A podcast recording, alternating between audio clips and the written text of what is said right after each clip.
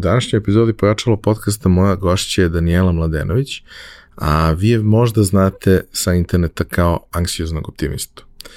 Ovaj razgovor je naravno njena lična priča, kao i sve priče o pojačalu, ali mislim da je ova priča meni bila preko potrebna, siguran sam da i mnogima od vas, jer možda nismo svi optimisti, ali velika većina nas je anksiozna zbog svega što se dešava. E, ovo je lična priča, ali lična priča sa mnogo zanimljivih zaključaka i mnogo zanimljivih nada kako možemo da se izborimo sa, sa onim što se dešava oko nas. Jer vrlo često nije problem u nama, problem je u svetu čiji smo deo, ali nas možemo da menjamo, a svet ne baš tako lako. Uživajte. Realizaciju ove epizode pojačala podržala je kompanija Epson. Epson je već više od 20 godina vodeći svetski proizvođač projektora i štampača za sve namene od onih kućnih do profesionalnih. Posebno vam skrećemo pažnju na aktualnu ponudu Epson Business štampača. Naime, ukoliko je došlo vreme da kupujete štampače za vaše poslovne potrebe ili da zanovite trenutnu flotu štampača koju imate, obavezno istražite koja to sve rešenja Epson nudi, jer pored zaista sjajnih štampača koji vam nude besprekoran kvalitet otiska, mnogo manju potrošnju električne energije, mnogo manje otpada generisanog u procesu, uz Epson rešenja uvek dobijete i celu paletu softvera koja se kod drugih proizvođača doplaćuje, a ovde dolazi besplatno za sve njihove korisnike.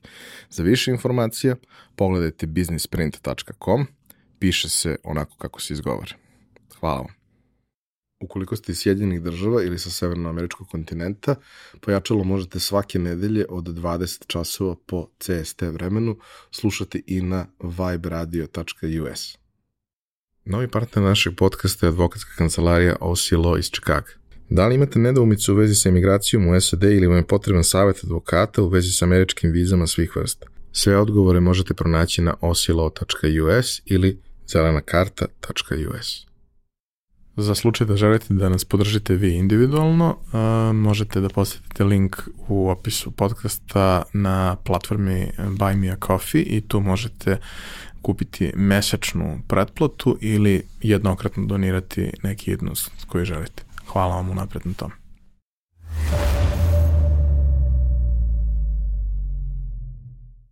Daniela, dobrodošla. Hvala ti Ivane na pozivu. Veliko mi je zadovoljstvo što si danas ovde, već duže vreme pratim ono što radiš i mislim da je to što radiš sjajno i da je tema kojom se baviš neverovatno važna i životna za jako veliki broj nas. E, iako će mnogi da se prave da nemaju problem do trenutka dok taj problem ne eskalira preko svih granica.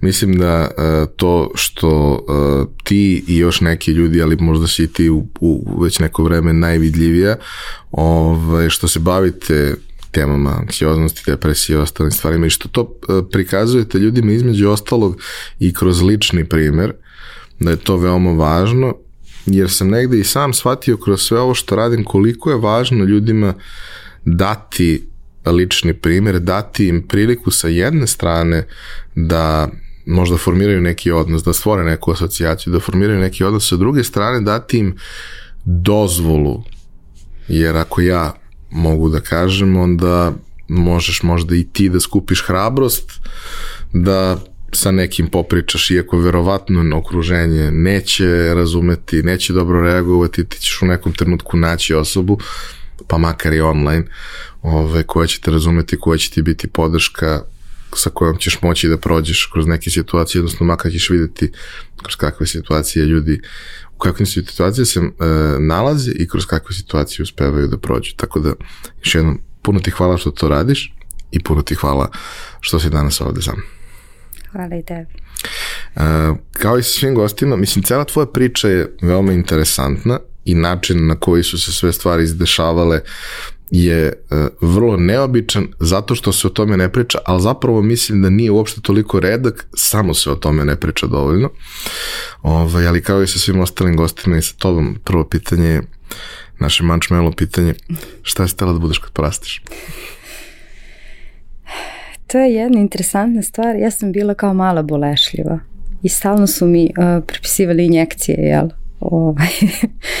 I naravno ja sam plakala i stresirala sam se i pre nego što dođem do ambulante. Možda je to onaj prvi znak anksioznosti, kao brinem kako će to mene boleti pre nego što stignem i onda mi mama kaže ne brini se, dobit ćeš tamo špric. Kao, ta će ti špric i onda ćeš doći kući i igraćeš se. Neka moja prva zamisao je bila da ja budem lekar. Ali ja sam htjela da budem lekar, ne zbog toga da bi bila lekar, da bi lečila nekog, nego da deci nikada ne prepisujem, jel to? da nađem neki drugi način i uh, možda je to bila ona preteča kako smanjiti patnju drugima. Znači, to je bila tad ideja, jel, smanjiti deci patnju.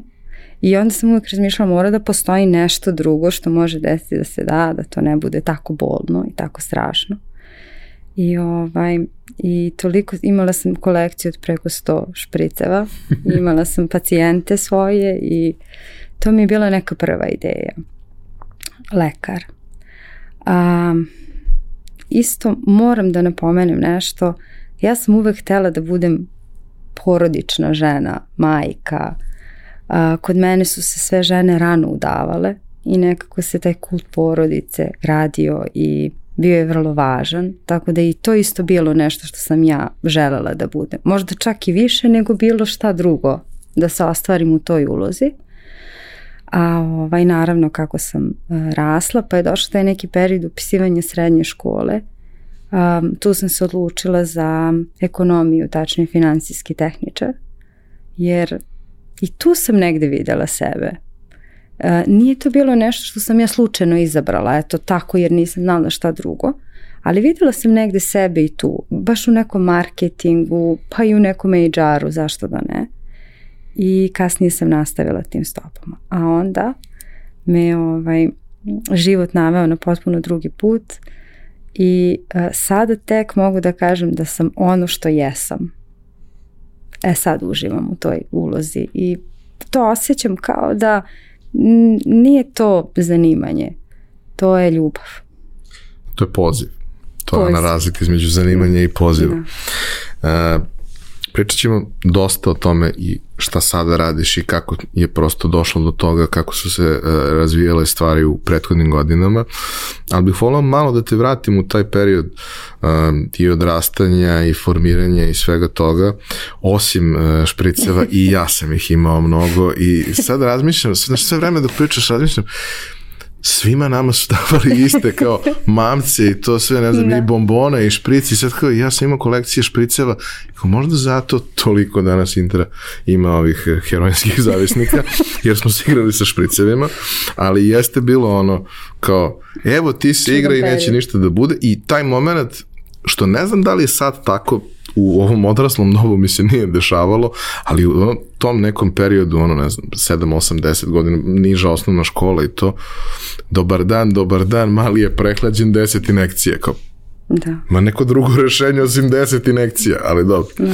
Ove, ovaj, U periodu, da kažemo, odrastanja, saznavanja, shvatanja stvari, ovaj, prolazimo svi kroz osnovnu i kroz srednju školu, gde smo onako sistemski prvi put izloženi nekom većem portfoliju znanja i mogućnosti.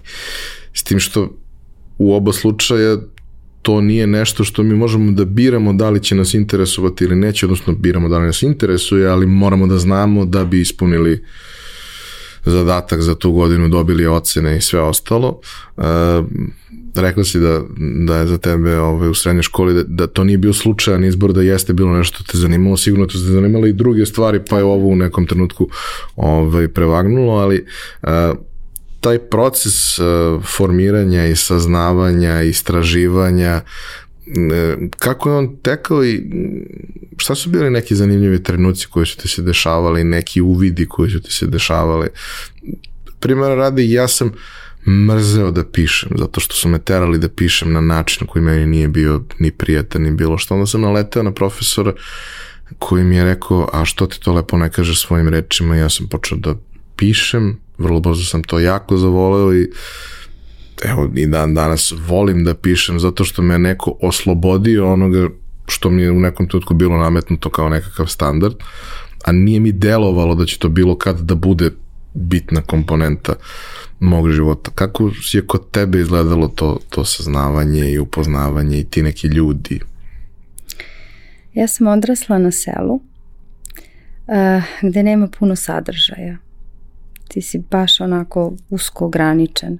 I to shvatiš tek kada upoznaš taj drugi svet.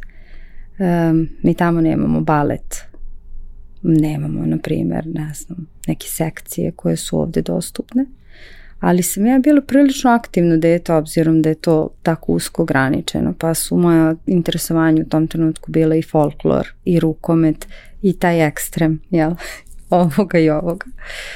Ovaj, pa sam se malo bavila i muzikom, svirala sam tada tamburicu i gitaru.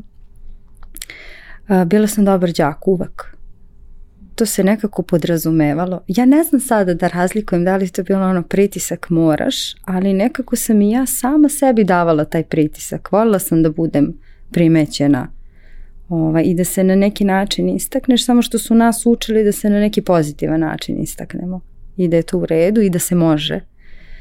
Tako da ta neka prva moja interesovanja e, bila su usko ograničena stvarno. E, bazirala sam se na tome da se prvo školske obaveze završe, a onda i usput šta ima. I to odrastanje na selu podrazumeva da ti radiš neke poslove, možda i pre nego što si potpuno zreo za te poslove, pa tako kućne poslove, spremanje ručka i to obavljaš bez problema kao jako mali. I mislim da negde tu stičeš tu prvu spoznaju u stvari da život nije samo ono, e super, sve lagano, a, nego da je ovaj, da ima, da moraš neke obaveze da ispuniš. A, kasnije odlaskom m, u srednju školu, a to je već bio grad Smederevo, m, tu su mi se malo proširila interesovanja, ovaj, ali moram da kažem da sam prvi put tek dolaskom u Beograd i na fakultet zapravo m, malo dublje ušla u taj svet šta bi možda želela da budem, čime bi želela da se bavim. Počela sam da upoznajem neke ljude koji razmišljaju drugačije, pa onda upoznaš nekog put i on kaže, pa ja sam kao mali, na primjer, slušao puno o nekom pisu i tako.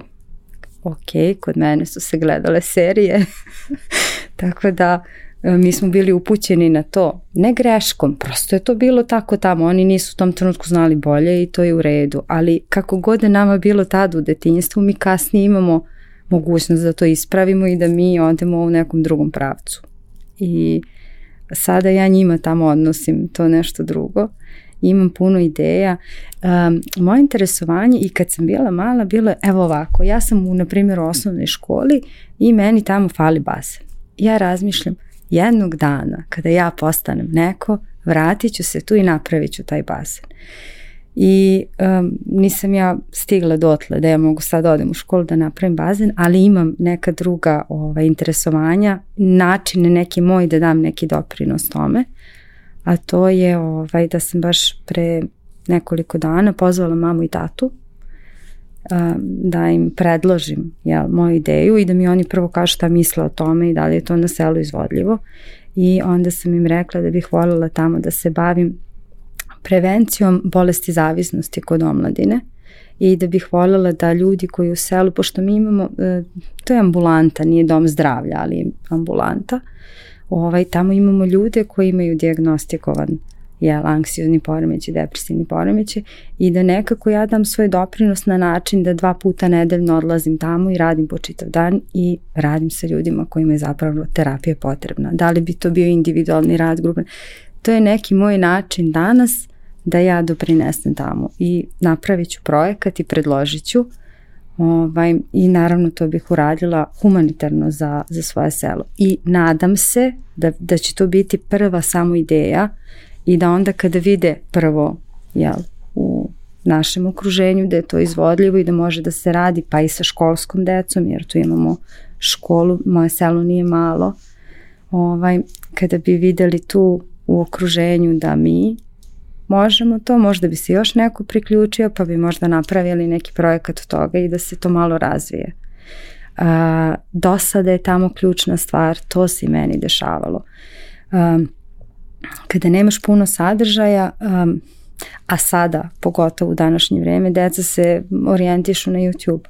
Pa i tu ima dobrih sadržaja, ali oni gledaju naravno nešto što im jako brzo ovaj, skreće pažnju sa dosade i onda kada to ostave po strani njima još dosadnije. Valjda što im je ovo zabavnije i što više motaju, onda kada ovako samo sede i kad treba da uđu taj proces razmišljanja, pa i pitanja koje imamo kao deca, ko smo mi, šta želimo, ko je smisao života, ok, da se ne bavim time, odoh ovamo da se preorijentiš.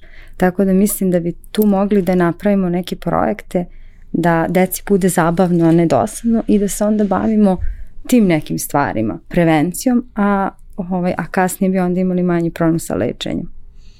Mislim da je to sjajna ideja, mislim da ovaj, odrastanje u jednom takvom okruženju gde postoji postoje i obaveza, postoji odgovornost, ok, nekih stvari i nema dovoljno, da te to možda dovede do toga da, da time što si naučena da stvari uradiš kako treba za sebe i od početka do kraja i na pravi način, da ćeš onda tako da se odnosiš i prema školi i drugim stvarima. Dobro, neće baš svi, ali uvek je to i ona varijanta, ja, ja nisam odrastao na selu, ali sam išao često i kod jednih i kod drugih ovaj, baki i deke. I uvek ima što, oni su recimo imali te varijante da imaju nek, nek, neku malu baštu u okviru mm. imanja, a onda negde malo dalje, nekad i malo više dalje, malo veću postoji neka veća bašta, odnosno postoji jedan veći teren koji je podeljen između nekoliko domaćinstava i sve to. I ti tačno znaš čija bašta je pod konac, jer moj dede je bio da. vojno lice, to je moralo da izgleda za izložbu svaki put dronom, da je neko snimao, verovatno bi od toga napravio neki pattern danas za neku pozadinu. Ovaj, a imaš i bašte pored koje su ok, ali ima korova, nema utabane stazice, nema ništa, jednostavno dosta ležernije ljudi to posmatraju. Da. I onda se to verovatno preslikava i na sve ostale stvari u životu, pa tako i prema obavezama i prema ambicijama i ciljevima u životu i, i sve ostalo. Taj dolazak u Beograd, mislim, imala si, kažeš, korak između koji, koji je bio Smederevo, koje svakako jeste velika razlika, ali jeste blizu, blizu. imala si prilike ranije, da, mislim i Beograd je blizu, ali za bilo koga ko nije odrastao u Beogradu, a čak i ako je odrastao u Beogradu, ali nije mnogo izlazio iz svog kraja, spoznaja koliki je Beograd i šta se sve u njemu dešava i kako sve to funkcioniše je prilično traumatičan. A mnogi to zapravo prvi put dožive u Beogradu sa srednjom školom, jer osnovnu školu uvek gledamo da bude negde u kraju. Srednja škola na osnovu interesovanja i svega često podrazumeva da ti prolaziš ceo grad da bi stigao do nje. Tako. Za neke stvari naročito. Fakultet, posebno jer su oni koncentrisani na nekoliko mesta nekad bili, ali sada su raštrkani po celom gradu. Ovaj, I uvek je to gde mogu da se uklopim da nađem stan koji mi odgovara, to obično nije pored fakulteta, obično nije na nekom idealnom mestu i tako dalje. Kako u svom slučaju izgledalo to? Dakle, prvo kako si odlučila šta si odlučila, a onda taj neki proces tranzicije, dolaska, snalaženja ovde, prva godina obično bude tada malo više, imaš vremena i lufta za takve stvari, ali ipak obaveze krenu prilično brzo i obično budu ozbiljne već na startu. Uh, tranzicija. To izgledalo ovako. Uh, ja sam se prvo dvomila da li da upišem ovde, da ne upišem. Neke stvari su se drugi dešavale u tom trenutku u mom životu da sam se ja baš onako sam bila na klackalici. Uh, u poslednjem trenutku odlučujem da upišem, ali sad šta? Uh, u mojoj porodici pre mene nisu išli na fakultet. Uh, I nekako se smatralo da je fakultet bauk. To je teško i to je za pojedine ljudi. Jer tek kad sam otišla na fakultet ja sam shvatila da to zaista nije teško i da apsolutno prosečni ljudi to završavaju. To čak može da bude teško nekome ko je iznad proseka inteligentan jer on mu sa druge strane smeta. Ok. Ovaj, obzirom da nismo znali tad šta kako, a raspitivali smo se, moji su se negde vodili logikom, jel? Da će privatni fakulteti biti na ceni, na važnosti, jer tako je svud u svetu, samo je kod nas to obrnuto. I išli smo tom logikom i dok sam sa njima razgovarala, imali smo čak ovaj razgovor sa jednim učiteljem koji je rekao da je na privatnom fakultetu jedna njegova rođaka, da tu čak dolaze ljudi koji posmatraju tu decu, odmah ih zapošljavaju i to je nama bila interesantna priča. Ja sam nekako prirodno nastavila u tom ekonomskom smeru, ali opet kažem marketing i HR je bilo moje interesovanje i ovaj, e, imala sam uvek tu neku potrebu da radim sa ljudima. Ja nisam bila onaj pozadinski tip koji će ovaj, kucati fakture, nego sam baš ono direktna linija nekako ovaj, face to face, uvek mi je bilo to važno. Tako da sam ja ovde došla na privatni fakultet, uh, fakultet za poslovne studije. I uh, interesantna je bila stvar da m, sam ja uzela jednu sobu kod bake, koja u tom trenutku ima 84, kod nje je bio izlazak dozvoljen do 10 sati. I ja tada odgovorna, kažem mojim roditeljima, pa to je super, bar neću izlaziti. ovaj dete dolazi u Beograd i kao ok je, to, ja tek sad posmatram sebe sad ovako, sa neke ovaj, udaljene tačke i ja ne mogu da verujem kako sam ja tad razmišljala. I to je meni sasvim bilo u redu i bila sam kod te bake sve dok moja sestra nije došla na studije dve godine kasnije, a onda su nam roditelji uzeli stan za nas i živele smo nas dve zajedno. Od uvek sam imala to odgovorno ponašanje. Kada je moja sestra došla, onda sam nju kontrolisala. A ovaj, onda sam ja zvala roditelje da kažem, ali ona ide u grad. Da li ti veruješ meni, ako ti ja kažem informaciju da ja nisam izašla, znači nisam izašla u grad, uh, moj prvi izlazak je možda bilo absolventsko veče. Prvi, prvi. Išla sam ja ovako, ja sam pre bila u fazonu da obiđem muzej ili da odem do Kalemegdani, to živjela sam kod fontane i kasnije u 37. bloku, ali mi je bilo neverovatno koliko sam ja tada sebe za sve ograničavala. Bila sam stvarno dobar student, ja sam učila ozbiljno i ovaj, čak sam u jednom trenutku i deci sa ekonomskog fakulteta e, računovodstvo predavala ozbiljno sam učila i završila sam u junu. Nisam čekala čak ni onaj septembarski rok. U junu sam završila. Um, tada sam otišla kod tetke. Ona živi u Italiji. Otišla sam na odmor. To je trajalo neki deset dana. Ja sam ga čak i skratila. Znači nisam mogla da izdržim ono ni do kraja odmor. Nego sam došla sa prijateljem nazad. Znači nisam čekala svoj prevoz i počela sam da radim odmah. Znači to je sve moralo hronološki da bude tako i tako. Počela da radim i nastavljala. Sve vreme od kad sam došla ja sam se odvojila od velike porodice. Nas je četiri generacije u kući bilo. A uh, zbog toga što su se svi mladi jel, venčavali, moji prabak i pradeka su bili živi do moje 20. godine. Tako da su to četiri generacije u kući i ja sam navikla i na red i na neku disciplinu, ali ne onu lošu disciplinu, nego tu je morao svako svakog da poštuje da ne bi bilo svađa. Mi smo imali jedan izuzetno porodičan, topo, miran život. Skladan. Da. Mi smo svi ručali u isto vreme. To danas više nije tako. Mislim, i kad odem kod njih sad... U vrlo redkim situacijama jeste da. i vidim, ja to nemam, ali vidim koliko tim ljudima to znači, da se zna ta jedna tačka da. koja mora biti Makar takva. Jedna. I da. to je to. Ne možeš možda u toku radne nedelje i sve, ali zna se subotom i nedeljom i kad je ručak da. i da je to najvažnija stvar na svetu i to nije nametnuto, to je svima da. najvažnija stvar na svetu. Da jer su ti ljudi zaista upućeni jedan na drugi, toliko da, se vole i da. poštuju. Kod nas se čak znao red ko prvi uzima, kada je supa u pitanju. I ovaj...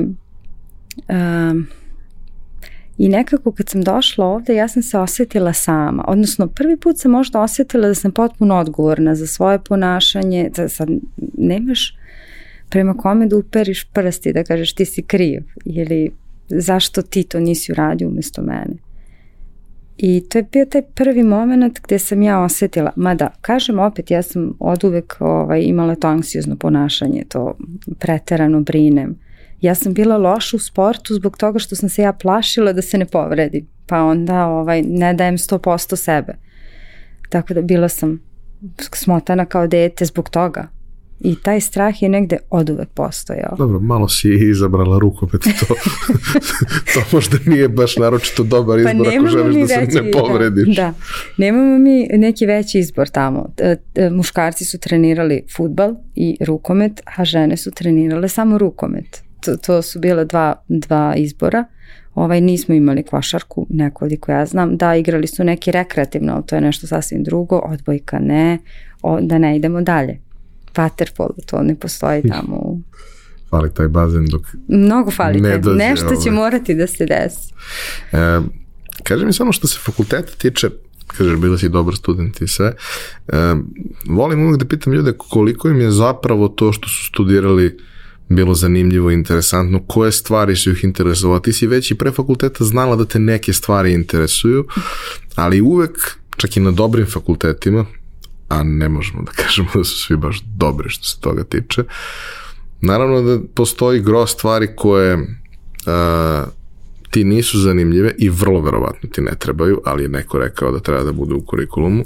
Postoje stvari koje nisu zanimljive, ali tek posle shvatiš koliko su ti zapravo bile važne i trebaju ti, znači ono nešto što ti je jako dobro za bazu razumevanja stvari i naravno postoji onaj mali procenat koji je redko više od nekoliko predmeta i nekoliko možda profesora i tako dalje, gde je to stvarno ono nešto zbog čega si došao to da studiraš. Šta su u tvom slučaju bile te stvari? Šta pamtiš kao nešto što ti je stvarno tu, tu bilo interesantno i važno, ako je bilo toga? Bilo je naravno. Meni su bili profesori neki ti koji su, nije mi toliko uh, bilo, sad kad vratim film, nije toliko bio sam predmet, nego njihovo angažovanje. Kada ti je neko stvarno posvećen i stvarno te uči sa razumevanjem, uh, ja sam to nekako shvatila kao nešto moje. I opet se vraćam na taj marketing. Nama je ovaj, Mića Jovanović dva puta samo predavao nešto. Uh, izuzetan je uh, predavač. Šta god kako god e, osim toga ovaj, e, jako interesantan lik koji će ti predstaviti to na malo drugačiji način. Meni se ne sviđa sve šta se posle dešavalo, čak u nekim situacijama, moram to da kažem, je bilo sramota što sam to studirala. Ovaj, zato što se posle izdešavale neke smešne stvari. To je nekad bio dobar univerzitet, a ovaj kasnije se ispostavilo katastrofa. Ali um, znam koliko sam sebe tamo dala, znam da sam učila i znam da je to bio moj trud i rad, tako da sa te strane ne, ali e, generalno kažem zbog svega kasnije. Um, imala sam tu stvarno nekoliko profesora koji su isto dali sebe svom poslu. To se vidi. Kad neko radi ono što voli i što osjeća da treba da radi. I um, najviše sam volila profesore koji se nisu držali literature, nego života. Još jedna e, interesantna stvar, a to je recimo, eto, to je neka dobra strana tog privatnog univerziteta. A, imala sam od, predmet odnosi sa javnošću. I a, e, jedan deo tog predmeta predavao mi je a, profesor, glumac i sada ne mogu da mu se setim imena, setit ću se. Ovaj, I a, evo, ako nešto pamtim, njega najviše pamtim i jedne njegove rečenice, pošto on nije iz Beograda rodom, nažalost je umro, ovaj, um, on je stalno nama govorio kada ste ovde u Beogradu, govorite kako se ovde priča, kada odete u vaš kraj, pričajte kako se tamo priča, zato što ste onda među svojima. Nemojte da idete tamo, jer izgledat ćete neprirodno. I ja kad god sam među svojima, ja pričam kako se tamo priča i to mi je nekako ostalo od njega. Ovaj, setit ću se umeđu vremenu uh, Kurčubić. Znači, uh -huh. Ivan Bekjarev. Ivan Bekjarev. ok.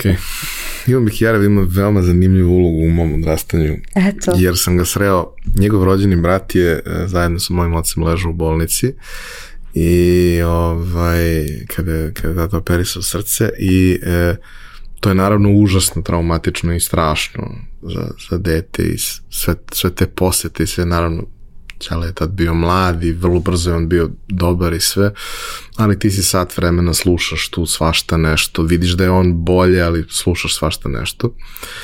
A krevet pored je brat Bekijarev i e, dolazi povremeno Ivan i on je tada, to je 91. godina, znači sve to nezamislivo, njemu doneo mali prenosni televizor koji je bukvalno bio, ne znam, veličine dva ona mala tetrapaka soka I onda kad on vidi da sam ja ovamo, da gledam i da sam ono, mislim, blago istraumiran svim što se dešava, on mene pozove da nas dvojica gledamo nešto i da nas dvojica gledamo nešto na tom televizoru i prođe vreme i svašta nešto se dešava. Sreo sam ga x godina kasnije, jer smo obojica veliki navijači, zvezde i tako dalje i prišao sam mu i rekao to i on me se nije sećao, ali mu je bilo, naravno, seća se cele situacije, se ne seća mene u svemu tome i kao, a mu je bilo mnogo drago da sam mu se javio, ozario se, bio čovjek, deluje mi da mu je bio loš dan, ovaj, ali e, mislim da je jako bitna e, ta stvar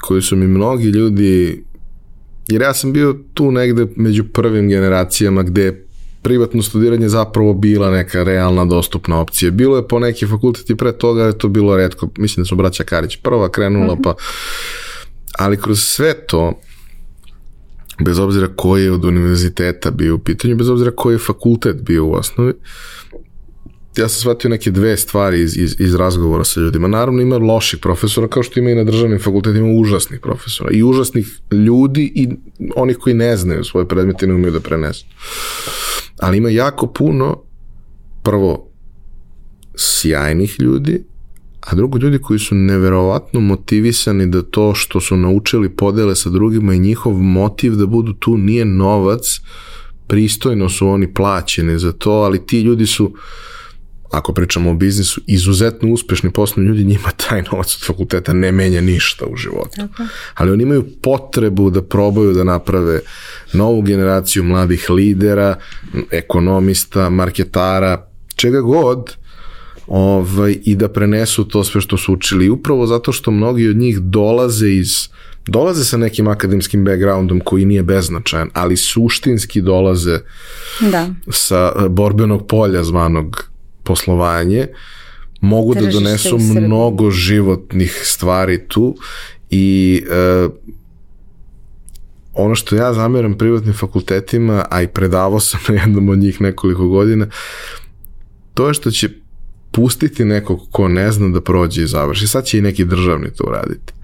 Ali ono što mislim da je predivno, to je da kada neko pokaže inicijativu, kada pokaže da mu je stalo, kada se cima uh, ti profesori će potrošiti mnogo više vremena, Tako. energije, truda da. da pomognu toj osobi da dostigne svoj pun potencijal.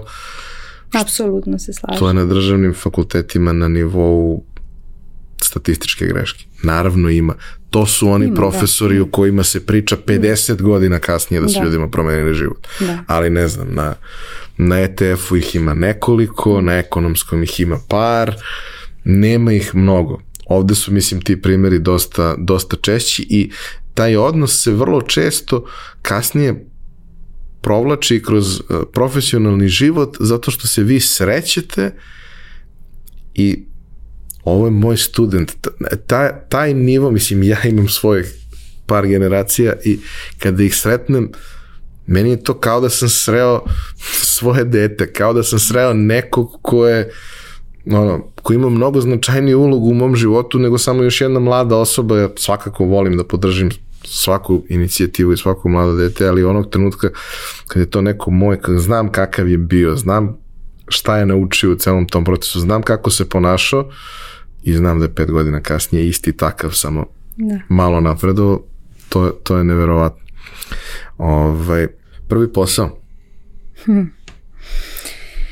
Uh, prvi posao, ozbiljan posao, u petom razredu. Dobro. u petom razredu, kod moje bake, u prodavnici. Um, ozbiljno sam radila, punu smenu, za punu platu i zvali su me šećerna.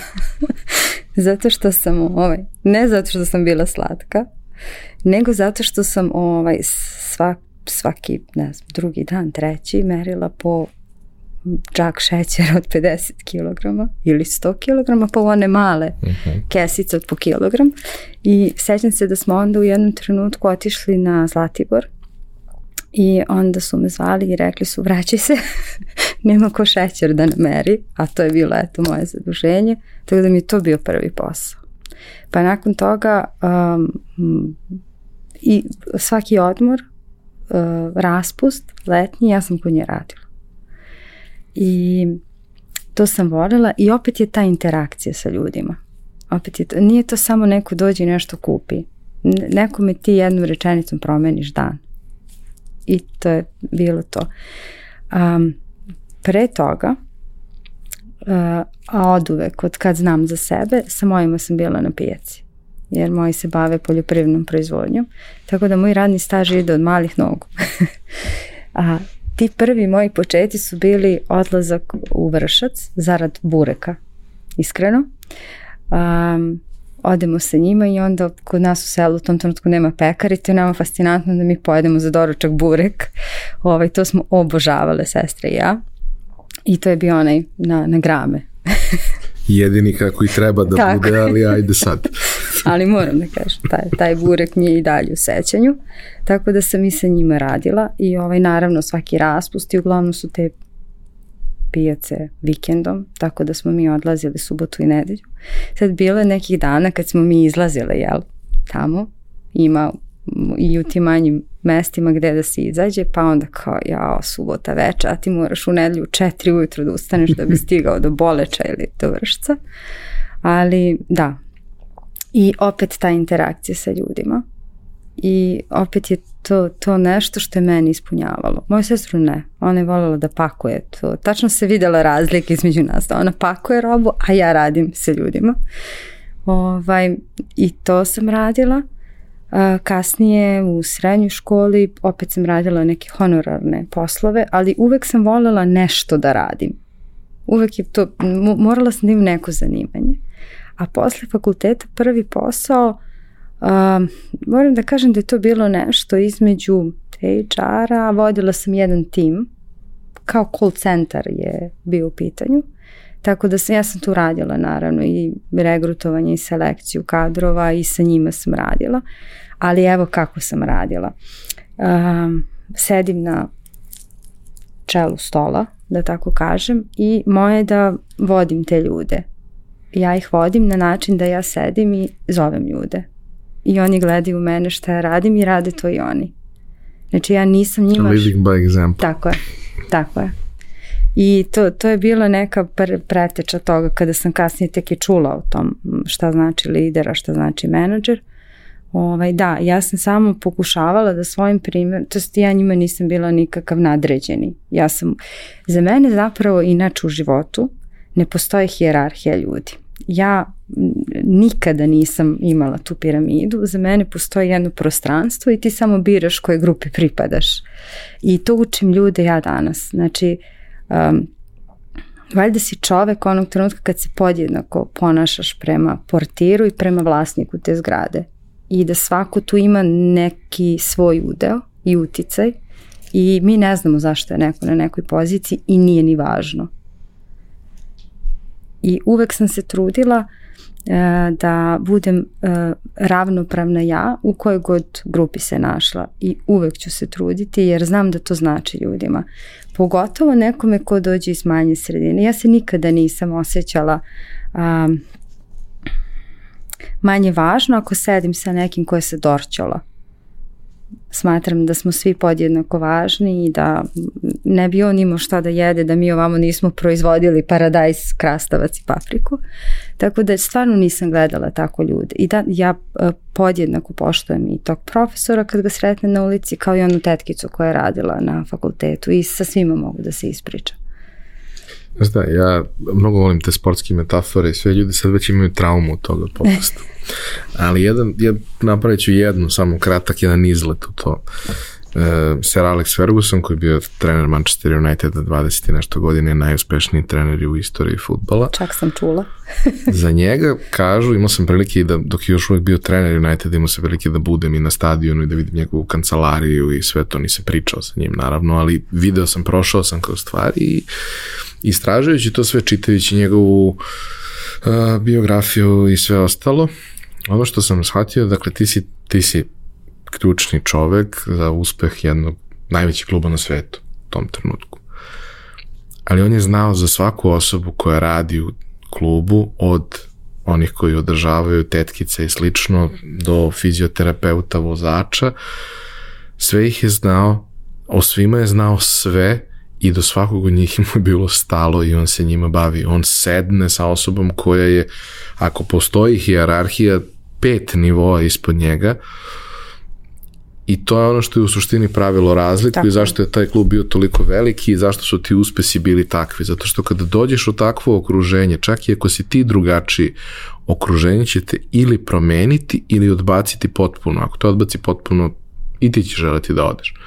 Ali ako čak i ako nisi baš tako napravljena, ako si dobra glina, ti ćeš se uklopiti i bit ćeš jedna cigla u nečemu što je nepobedivo i nesavladivo zato što taj duh zajedništva i to koliko je svima stalo do toga ništa ne može da zameni. Par puta u životu sam se ovaj, kroz razne neke sportske situacije sa, sa tim susretao da ljudi koji na prvu loptu ti deluje, ok, Sir Alex je bio najvažniji čovjek u klubu, ali ljudi koji ti deluju nebitni, toliko značajno menjaju opštu situaciju na terenu e, i e, opštu situaciju, atmosferu u klubu i svemu što se dešava, da je to neverovatno.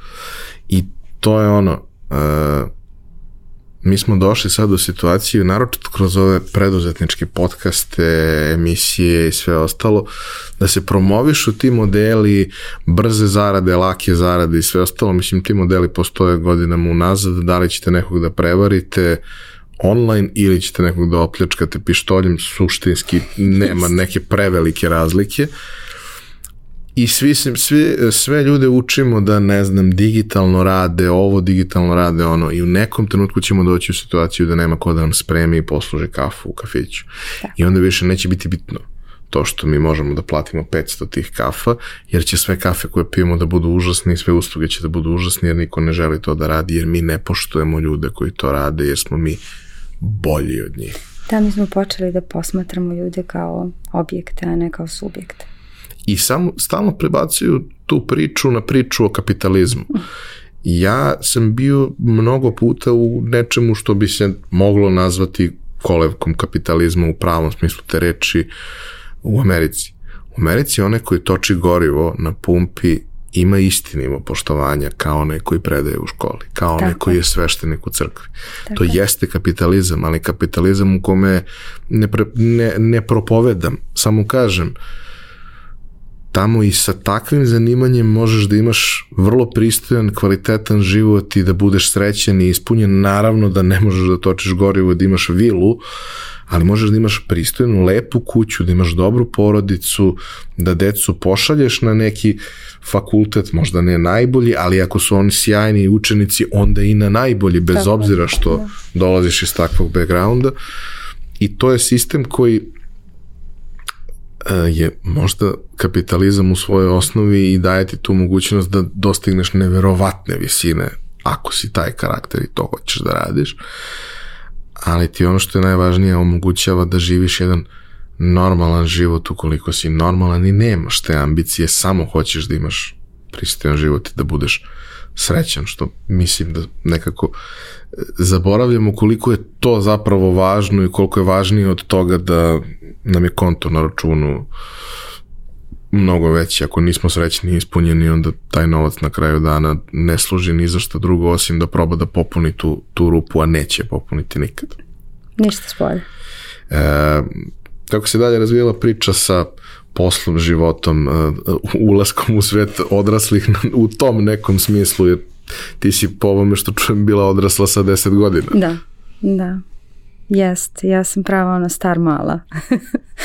I tako sam voljela da vodim te razgovore sa odraslima, uvek je to mene nešto zanimalo. Kod deca su mi bilo do sada. Um, kako se dalje odvijalo?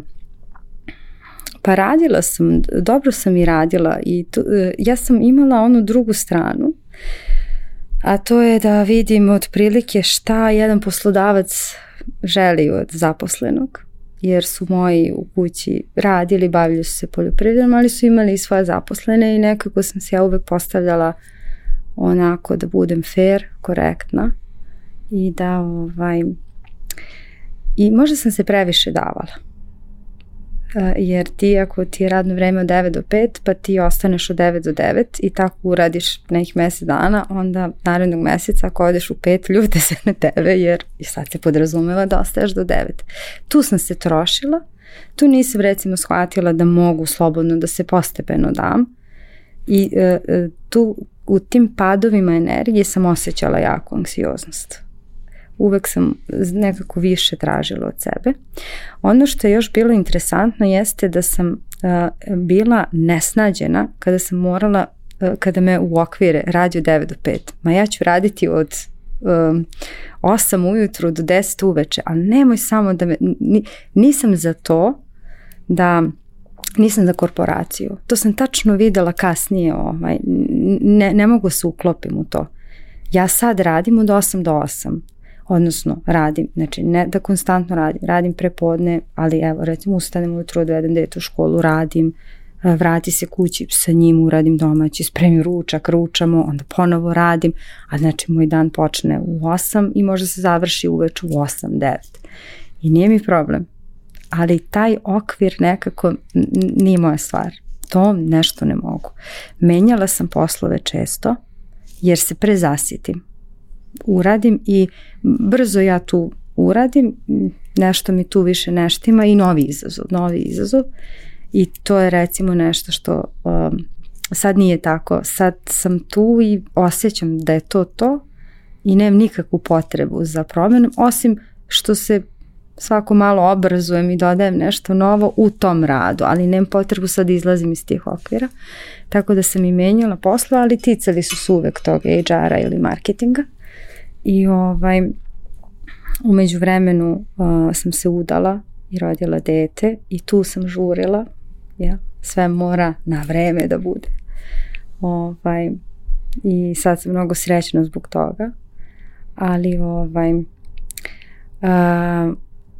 umeđu vremenu se desila ta jača anksioznost. Znači ja sam već od perioda fakulteta krenula sa strahovima a, u tom trenutku zaista niko ne priča o tome. Znači, by the way, u, moj, u mom komšiluku je bila jedna a, žena, rođaka, koja je u tom trenutku a, dobila lekove za depresiju i te nisi smeo da pitaš šta je to, tako čuti to. A to je toliko bio bauk, to, tek tamo nisu znali šta je to.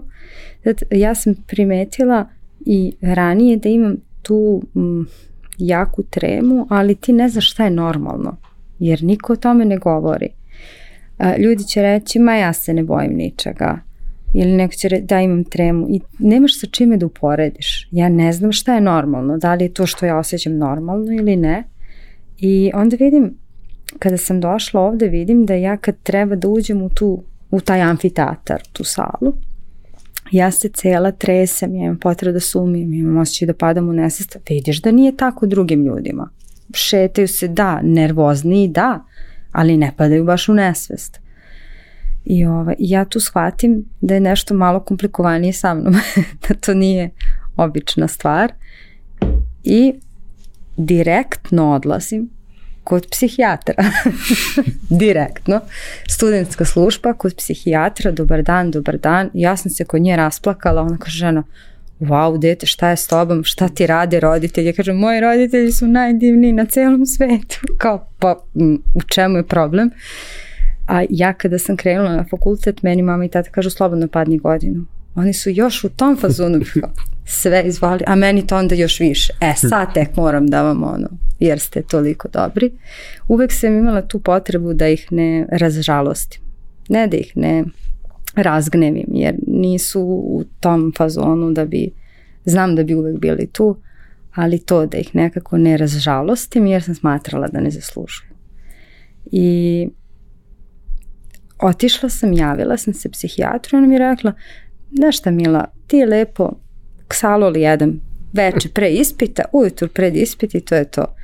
I ja sam to poslušala nju, međutim ja se tresem, meni to ništa ne pomaže, ja i dalje imam sve iste simptome.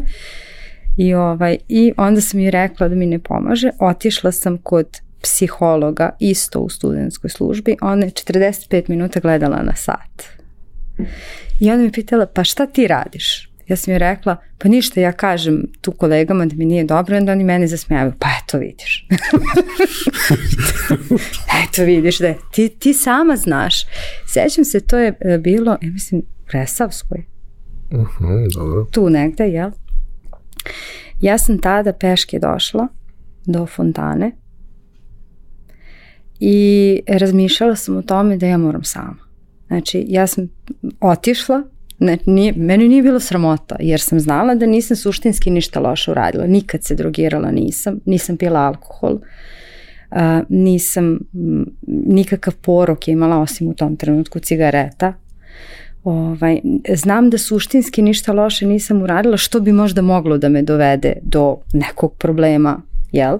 A, a da bi me bilo sramota možda da kažem u selu. I, ovaj, I onda sam rekla, ok, znači ako nije do meni, ako ništa pogrešno nisam uradila, što bi mi onda bilo sramota i ja idem. I tako sam i otišla. Ali onda kad ti odeš i nije te sramota i najđeš na zid, šta sad? I u tom trenutku ja se sećam, bilo je um, da odeš na seansu pri, kod nekog ko ima privatnu praksu 50 eura u tom trenutku. Meni to baš bilo onako ogromno, stvarno ja, ja mojima nisam taj predlog ni dala. Da sam ja njima rekla u tom trenutku ima privatno i sansa, oni mi rekli idi na sto, jer tata bi košulju skinuo i ok je, sve u redu. Ali ja to nisam ni rekla. I došla sam kući i rekla sam ok, moram sama.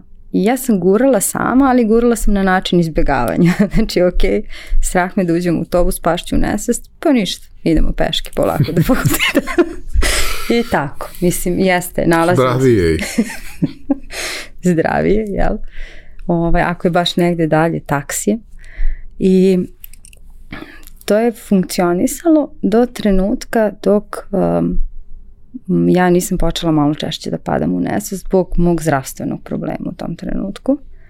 A onda to kada ti padneš u nesvest zaista gubiš kontrolu nad sobom. I onda taj strah, ko će meni da priđe, koga da pozovem, ko će meni da pomogne, šta će se dalje dogoditi. Gde će to da se desi? Gde će? I onda sam ja polako počela da se povlačim u kuću. Nije to bilo vidljivo odmah, ali um, vremenom, naravno, sve vidljivije, pa onda period trudnoće, i tada mi je bilo super, da su tada hormoni odradili svoje, tada sam šetala, ma nikakav problem nisam imala, ali onda kasnije kad se dete rodilo, e sad, on je bebac, šta sad? Meni se nešto desi u parku, on izleti na ulicu. Anksiozne osobe uvek imaju one stravične ovaj, događaje u glavi, nikad ne pomisliš, pa dobro, tu je neko, ne, to je izletit će na ulicu i već vidim auto i gotovo. Ovaj, tako da sam ja dalje počela da se povlačim i iz tog uh, dala sam otkaz. Nisam mogla više da izdržim da radim. Uh, ta poslednja firma gde sam radila je bila nekih 15 km od Beograda, tačnije na autoputu za Novi Sad i tamo sam radila kao marketing menadžer. Imala sam sjajnu poziciju. Ovaj, I išla sam i obožavala sam taj posao. Znači baš, sam, baš je bilo kreativno. I tada sam rekla ljudi ja ne mogu više. Ja ne mogu da sednem u auto više i da se dovezem do tamo. I posebno kad imaju one tri trake pa dva kamiona oko mene, ja između gušim se i kraj. Klapna. Sad bi ti ja rekao da je to normalno, ali to je saobraćaj i da. saobraćaj izaziva, mislim da saobraćaj izaziva sve ono najgore u svima nama. Ako hoćeš nekog da upoznaš, kreni sa njim oko jedan popodne preko gazele i sve će ti biti jasno do druge strane. Katastrofa, da. I tako malo po malo potpuno sam se povukla u, u svim životnim sferama. I stan postaje moje mesto bitisanja i to je to. Tu sam, ima malo dete, neki godinu, možda i po. On je krenuo u vrtić, ja ne mogu ni do vrtića da ga vedem sama. Um, borba, veliki strah šta dalje. Sad ni tu se nije završilo. Ja sam a, godinama unazad već ja odbijam da odem na svadbu nečiju, na rođendan. To su ti jako bliski ljudi koje ti neizmjerno voliš, a ne možeš. Jer nije meni ni samo bilo pitanje šta će sa mnom biti, I to sam videla kasnije, kad sad treba moji roditelji da dođu kod mene, ja ne mogu ni oni da dođu, ja se gušim pri pomisli da oni dođu, a da mi je stvarno loše, prvo bi se njima obratila. Ali ja ne želim da se oni sekiraju zato što je meni loše. Ne želim da me vidi niko. I onda više niti ideš negde, niti ti ko dolazi. Sjećam se jedne scene, a, sestra je došla sa svojom devojčicom, mama, ja i moj sin otišli smo u prodavnicu igračaka znači prodavnica igračaka i naravno meni kreće scena, napad panike na kasi i ona meni, sine, ja sam tu, znači ajde padni, evo držim te. I ja kažem, ne, ne, ne, mi smo izleteli, ja do garaži, naravno tamo slom i plakanje i ovo nikad neće proći i kako ću ja. I ti ti odlaziš tu daleko, evo, moje dete će diplomirati jednog dana. Nebitno, ja treba da, da se pojavim tamo, da mu budem podrška. Imaće priredbu neku. Kako ću ja to I onda naravno preispitivanje kakav si ti čovek ako ne možeš da odeš kod roditelja na rođendan, kakav si ti majka ako ne možeš dete da izvedeš u park. Ali naravno onda ovaj, na neki drugi način pokrivaš te, ta svoja pitanja. Pa onda kada smo u kući puno čitamo, pa je on onako mali sa tri ili četiri godine znao postavke piramide u Egiptu. pa je to bilo presmešno. Ovaj, ali to je bio moj način da nadoknadimo. Bavili smo se svemirom, dinosaurusima, piramidama još nekim zanimljivim stvarima. Dinosaurusi su jako važni. To, sam, to je sve što mogu da Naučila da sam sve. ovaj, potpuno razumem taj moment da čak i ako prevaziđeš to da, da je te možda strah šta će tebi da se desi i sve, prosto zbog raspoloženja i svega, ne želiš nekom da upropastiš taj dan koji im je možda najvažniji u životu.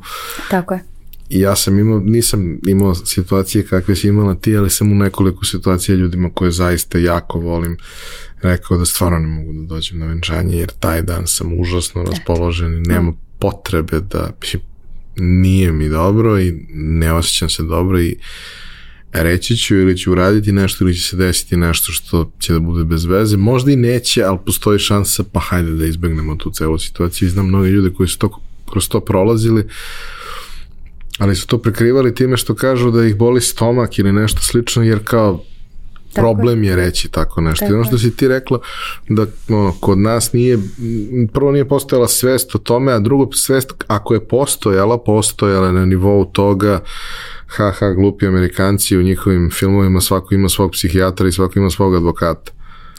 Ne tvrdim da su oni baš normalna nacija iz svega što smo videli, ali makar rade na tome i makar ljudi koji su se opredelili za to ukoliko su uspešni i sigurno ako su uspešni jako dobro i žive od svega toga, na taj posao rade posvećeno, rade kako treba, da rade na, na, neki, na neki dobar način. Pričala si svoje iskustvo sa um, psihologom, to je iskustvo mnogih ljudi koji su prošli kroz nešto. Znaš, kao taksimetar radi, daj da te skinem sa dnevnog reda ili naravno ono što je defaultni odgovor svima, uh, ti ne znaš šta su pravi problemi, to što ti imaš, to je jednostavno, Nič. dobra si ti, možeš ti to da izgledaš, pa mogu, ali ako sam došla, vrlo verovatno ne treba da sebe silim da to nešto preživim i ne treba niko da dođe u situaciju da shvati da je u tome svemu sam. I taj moment da sad naravno kao za, za, za privatne seanse cifre variraju. Ovaj, ali sam taj moment da ti verovatno moraš da prođeš pet ili sedam ljudi i da potrošiš neki novac koji nije mali u tom procesu da uopšte shvatiš da li ti ta osoba i ole odgovara. Tako je. Ovaj, I to kad kažem odgovara, znaš, to, to ljudi baš mi pričali dosta o tome, kao našao sam, našao sam terapeuta, baš mi je super i to ne treba bude super, ne treba ti bude ortak najbolji. Mislim, ok, idite posle na kafu, nije važno, ali ako A ne idete na da kafu, ne treba da ti bude terapeut. Tako je, tako je, tako. Znači, može ti bude drug. I možete da pričate o svemu tome, ali taj odnos nije odnos koji treba da bude. Kao što ja pričam sa prijateljima i ti pričaj sa prijateljem. Samo ne da prijatelj ne plaćaš. treba da ti bude terapeut. Ovaj, I to, To je ono što kao, da. znaš, vrlo često ne, predug je proces i prekomplikovan je proces, ima previše koraka, a jako redko se završava na prvom ili drugom koraku, prvom ili drugom pokušaju, a ljudi čak ako pobede u sebi to da pokušaju, neće da pokušaju pet puta. Vidiš, za te što gledaju mm, tajmer, taksimetar, ovaj, to je to, oni su obrazovani, ali e, džabe ti obrazovanje... Kvalifikovan. džabe ti obrazovanje ako nemaš obrazovanje srca.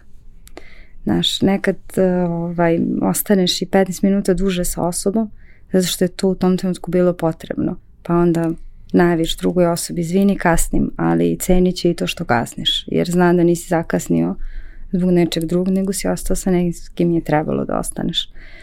Tako da ovaj, obrazovanje je jako važna stvar i ovaj, ako bi se vodili time šta o anksioznosti piše u knjigama, a da svedemo na jednu rečenicu, možda bi bilo to su ovaj, razmažene osobe kojima je dosadno. A Da. ja e, znam od uvek za sebe da nisam ni razmažena, a Bog me u životu mi nije ni bilo dosadno. Tako da nisam mogla da se složim sa tim i zato kažem da um, obrazovanje jeste važno, ali nikako ne cenim ljude samo po tome. Ovaj, zato što ako nemaju ovo, džabe sve. Da, ta rečenica koju si sad rekla je zapravo rečenica e, kako najčešće ljudi koji nisu obrazovani u tom smislu doživljavaju tu, tu celu stvar kada im se obratiš. Naravno, ima i drugih, ima i ljudi koji su ono i izvori podrške i Ima. možda ne nekog rešenja, ali su spremni da ti osvetle put ka nečemu. Ovaj, ali nismo dovoljno ni empatični, ni osposobljeni da razumemo šta može da se desi, jer naravno da se svi vodimo time da ako ja nemam problem, onda sigurno niko drugi nema nikakav problem nikad. I ako ja mogu da uradim ovo, onda sigurno svi ostali mogu da urade to isto. A naravno da to nije tako. Juče sam pričala sa jednom ženom koja je kao pojava mm, autentična potpuno i, ovaj, i mm, vrlo interesantna i uvek je iskakala iz svih šablona, ali ona kao autentična osoba ne razume potrebu drugih ljudi da se uklope u... Budu obični. A sad ima problem sa, ne problem, nego, na primjer, njeno dete je neko ko se više uklapa u društvo nego što bi voljelo da se ističe. I ja joj kažem kako ti imaš potrebu da budeš takva. Moramo da, znači mi moramo da razumemo i da prihvatimo šta god ko ima potrebu da radi. A nije sve ni samo u jednoj strani. Znaš, to je onaj moment koji se isto često dešava sa ljudima, to je ali on to radi, pa dobro, to je njegova stvar, ali meni se to ne sviđa. Da. To što ti se ne sviđa, to je tvoja stvar i ti na to imaš pravo. Yes. Kao što i on ima pravo da radi nešto što se tebi ne sviđa, Tako. dokle god to tebe ni na koji način ne ugrožava. Ne meni se ne sviđa tako. njegova frizura. Ni meni se ne sviđa njegova frizura, ni meni, ne znam. Meni se ne sviđa što si ti ćelo, pa dobro, nisam baš mogu da biram. Misliš što najgore, verovatno da sam mogu da biram, bio bih ovakav, ali ovaj, jer je lakše za održavanje, ja sam vrlo, vrlo po tom pitanju ono, optimizovo koliko god je moglo, ali uh, kao, neke stvari ljudi jednostavno uh, mogu da biraju tako što će na silu sebe da promene i da budu nesrećni, a zašto bi neko bio nesrećan zato što ne može da napravi tu frizuru i ofarba kosu u crvenu. Znate. Pusti ga, to je njegova stvar. Ako ti ne prija, nemoj da se družiš. Ima dovoljno ljudi koji nemaju crvenu kosu na svetu, koji će te nervirati zbog nečeg drugog. Tako je. Treba naći nove razloge zašto te neko nervira. Super. A, kuća je postala ceo tvoj svet. i znamo, čuli smo svi primere toga kako to izgleda. Naravno, o tome se ne priča dovoljno, ali eto, tu i tamo naletimo, čujemo neko ima u porodici, u familiji, komšija, pa njegovi i tako dalje. Ali ne znamo zapravo kako to sve izgleda iznutra, ne znamo nikog ko je to prošao, kod koga je to trajalo, ko se sa tim borio, izborio, našao način da, da to prevaziđe. Od tebe smo za sad čuli da se to dešavalo i čuli smo da e, si ti osuđivala sebi, prebacivala sebi što je to tako i što to ne možeš da pobediš u tom trenutku i to sve baš ne deluje kao jedan sjajan trenutak u vremenu i dobro mesto za biti. A danas sediš ovde sa mnom i imamo jedan od lepših razgovora u podcastu. Hvala. Kako? Koliko, kako, šta? E, koliko je vrlo relevantna stvar zato što osoba može za jako kratak period da prevaziđe anksioznost ako e, radi pravilno ono što treba da se radi, a ja nisam. Ovaj, a može da traje to i godinama. Ja poznajem i puno žena koje su 20-30 godina zarobljeni i žive tako. I m, ova nova tehnologija im samo pomaže. Ali džabe ti da poručiš neku garderobu i da ti stigne na kućnu adresu kad si ti u trenerci i to je to, kao ne, nemaš potrebu za tim. A kako? Ja sam samo znala da je to trenutak u mom životu. Znači, nije, to nije, nije bilo šanse da to bude zauvek kod mene. Znači, ja ni jedne sekunde nisam rekla sebi, ok, sad ovo Nisi se pomirila sa Ma, tim. Ma kakvi, ne. Ja znam da meni u tom trenutku treba da ne bude među ljude, da ne izlazim i da se na neki način povučem. I sigurna sam i to da sam se mnogo bila potrošila pre toga i meni je trebao neki period da se povučem. To je tako. Međutim, ja sam se povukla previše, onda ta samoća postane ti zarazna i dosta ti se svidi. I sam sa sobom i sa svojim mislima i previše vremena ovaj, dolaziš ti do nekih dubina, a onda ti je, vidiš onu lepotu dole, pa ne bi baš da se vratiš među sve, te sve tako, ne, ne znam ni kako bih nazvala ovaj, o, svet gde sad živimo. I, I tvrdim jednu stvar, anksiozna osoba nije rođena za ovo vreme. Pogre, pogrešno vreme je rođena.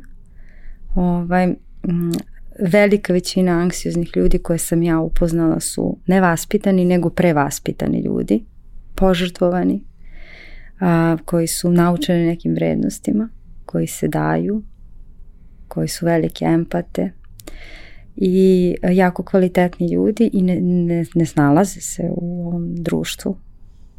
Malo se teže snalaze, ali dobro. Ima i onih koji se koji dobro plivaju ti kažeš imam ja svojih problema pa sam naučio da to ovaj, prevaziđem, to je tako.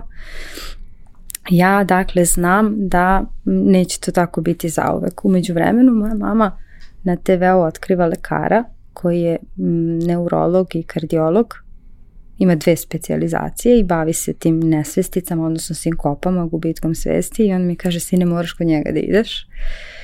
I ovaj, ja u tom trenutku ne izlazim iz kuće, ali mogu pratnji kad je nešto, recimo ako moram da odem za ličnu kartu, ja ću otići i tresem se, ali to je, nije voljna radnja i uvek da je naravno tu neko ko je sigurna osoba i ja odlazim kod lekara um, on mi postavlja dijagnozu um, koksaki virusa i još nekih pridruženih, jel, miokarditi, zapaljenje srčane maramice i da je to bio razlog zašto se meni zapravo i dešavaju te nesvestice i da to nema veze sa anksioznošću.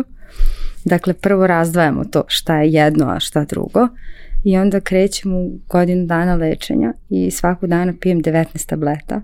Sećam se tog perioda. A lečenje je e, način miruješ, Znači moraš da miruješ godinu dana, uh, piješ te vitamine, minerale i um, imala sam i neki lek ovaj, za podizanje pritiska. Znači kod mene sve obrnuto uvek. ok. I onda u tom trenutku lečim se.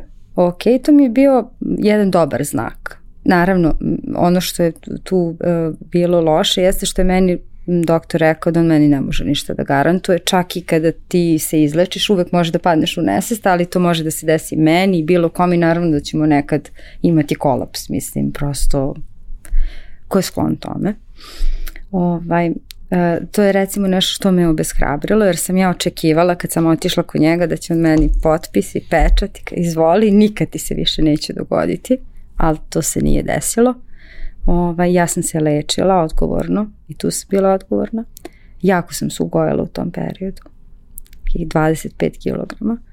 Ovaj, e, I to je bio period znači i agorafobije i ležanja i mm, ne znam, i neke nove nade. I sada, ti već imaš agorafobiju, ne izlaziš nigde, a još si ugojio, pa ne želiš dodatno da izađeš negde, jer ti svi pitaju šta ti se desilo, a ja stvarno ne mogu da objašnjavam ljudima ništa, jela sam, ovaj, ili pila sam vitamine i bilo mi je dosadno i eto, ležala sam jela sam. Ovaj, uh, I onda još više ne želiš da izađeš. Ali sad već prolazi onako dosta dugo vremena i ja imam potrebu da se vrati među ljude. Sad se javlja ta potreba. Umeđu vremenu ti postaješ u onom depresivnom raspoloženju, ovo nikad neće. Znači, smenjuju ti se dani. Ustaneš danas, kao, danas izlazim, super je, krenem ka vratima i ovo ne mogu, vratim se i plačem. I onda ide, nikad neće proći, šta god da uradim ne ide i tako dalje. Onda uh, u tom trenutku ja odlučujem da sve promenim u svom životu. Sve. Znači sad moram da treniram, moram da promenim ishranu, a naravno ti hoćeš da treniraš, ali ne možeš u teretanu. Ok, možemo ovaj, i kod kuće to. E, da počnem da radim na tome kako da prevaziđem strah i to je to. Uzimam jedan ljubičasti rokovnik, počinjem da pišem, na dnu crtam vode, čašu, znači moram da popijem 8 čaša vode dnevno. To, moram da se hranim zdravo. Po, tada sam krenula sa hrono ishranom koja mi je izuzetno prijala.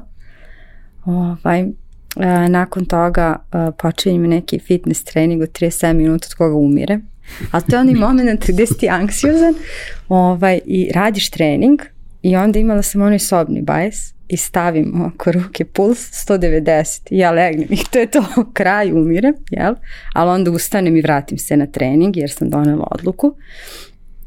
E, dakle, kod kuće treniram, zdravo se hranim, spavam sad već bolje, jel? Jer imaš neku aktivnost. I m, počinjem sa edukacijama na američkom tržištu, jer kod nas ne mogu da kažem da se tad već nije znalo šta je anksioznost, možda sam i čula u nekoj emisiji, ali i dalje se ne priča o tome. Um, nisam tip koji posećuje forume jer sam od uvek išla ovom logikom. Um, ako neko kupi dobar TV, on neće ići da kuca ja što mi je super TV, nego će sedeti i gledat će ga. Ali ako neko promaši, onda će on izrevoltiran otići. I tako sam uvek znala nekako da su na forumu loše iskustva i to me nije zanimalo ovaj, da čitam i, i tu sam pametno odradila stvar. Ja sam odmah krenula sa edukacijama. Sad su tu bile one edukacije 20 dolara, 30, prihvatljivo, pa dobiješ neki video materijal, pa ja to otpratim, pa kako drugi, tamo su već imali iskustva ljudi koji su prošli. I ovaj, počela sam tu da se edukujem, pa onda i neki sa sertifikatom tamo edukaciju i to je bilo ok meni, već ja imam i neki sertifikat, super. I ovaj, i onda taj moj ljubičasti čuveni rokovnik, krećem. Ok, svakog dana zadatak, moram da siđem do prodavnice koja je u dnu, pa malo levo, ali i pišem. Osjećala sam se u prodavnici tako, istrčala sam, nisam uspela, izdržala sam, bilo je super. Znači, bilo je tu uspona i padova, ali to je bio prvi moment. I onda posle, ne znam, nekih dvadesetak dana, ta prodavnica postaje tebi već uobičajena radnja. I meni je tu kliknulo. Znači ja moram da se izlažem u stvari. Moram da izlazim. Moment kada treba da odem od um, ulaznih vrata moje zgrade do parkinga koji je 20 metara. Meni je tih 20 metara najveći problem na svetu. Sad stvarno ovo može biti smešno, ali je to tako. I što sam više odlazila, Znači, otrčim do, do ovaj, auta, pa uđem unutra i opet mi auto mi je sigurno mesto. E, onda se sećam, opet prođe ta neki mesec, dva i onda ja stanem na sred tog puta, ako pogledam u nebo i kažem, pa evo i ovo mi je sad kao kuća. Ok sam i ovde. I onda je to tako išlo dalje. Izlagala sam se. Onda sam posle u nekom trenutku počela i sama da idem po detu vrtić, vraćali smo se. Bio je jedan trenutak um, interesantan, a to je da sam uh, se ja dopisivala sa nekim ovaj, i bio je moment da je ta osoba meni, vidimo se, aj srešćemo se negde.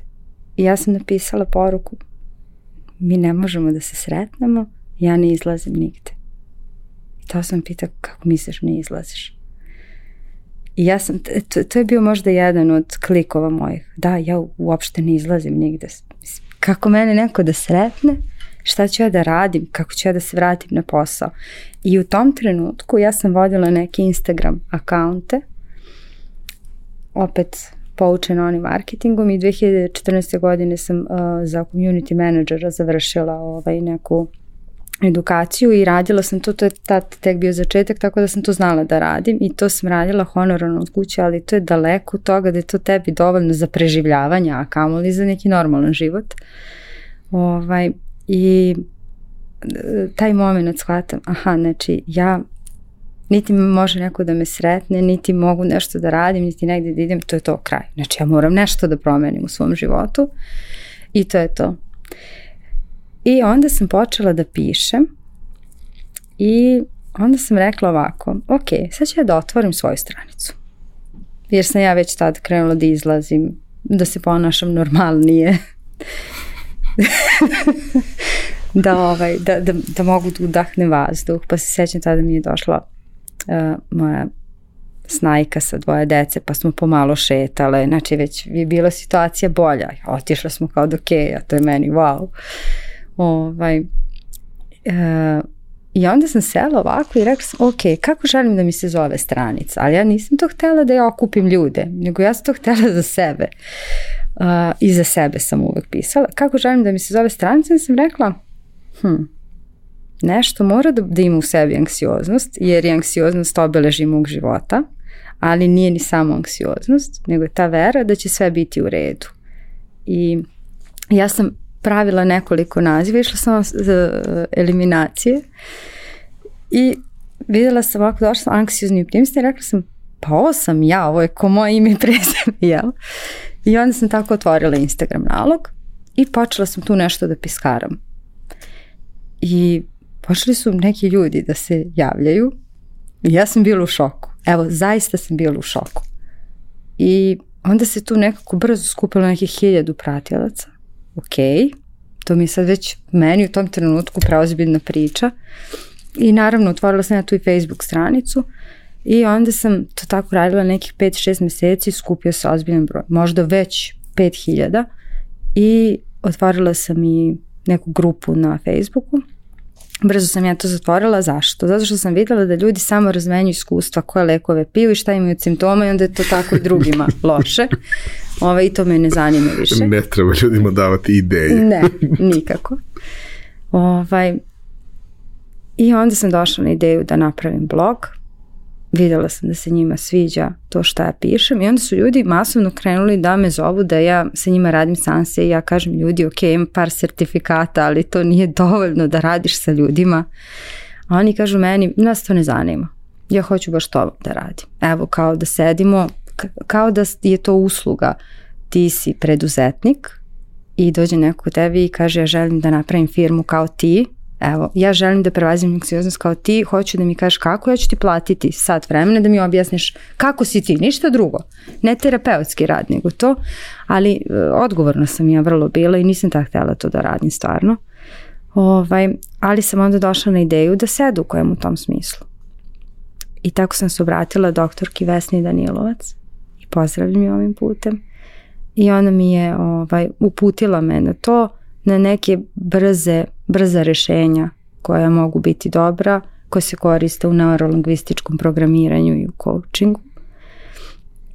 Ali sam nek smatrala da i to nije samo dovoljno i onda sam odlučila da nastavim i svoje školovanje u smislu uh, stvarno obrazovanja i onda sam ovaj tražila šta je to što bih ja radila, koji je to pravac zapravo i igrom slučaja sam naišla na jedan članak o okupacijonoj terapiji, samo što je to bio neki članak, um, postoje neko kanadsko udruženje, znači nema veze sa ovim našim, a, ja sam se oduševila tim pristupom, jer to nije pristup gde ćeš ti kopati po nečije prošlosti, uglavnom nema ništa da se iskopa, kod velike većine anksioznih ljudi nije stvar u prošlosti, čak su neretko imali dobro iskustvo kao što je i moje. Ja mogu da kažem da meni detinstvo bilo idealno. Imali smo jednu tragediju. Osim bazena. Imali smo jednu tragediju, ali opet su tu roditelji odigrali fantastičnu ulogu jer su nam dobro objasnili šta se dogodilo i nekako smo to uz veru prihvatili.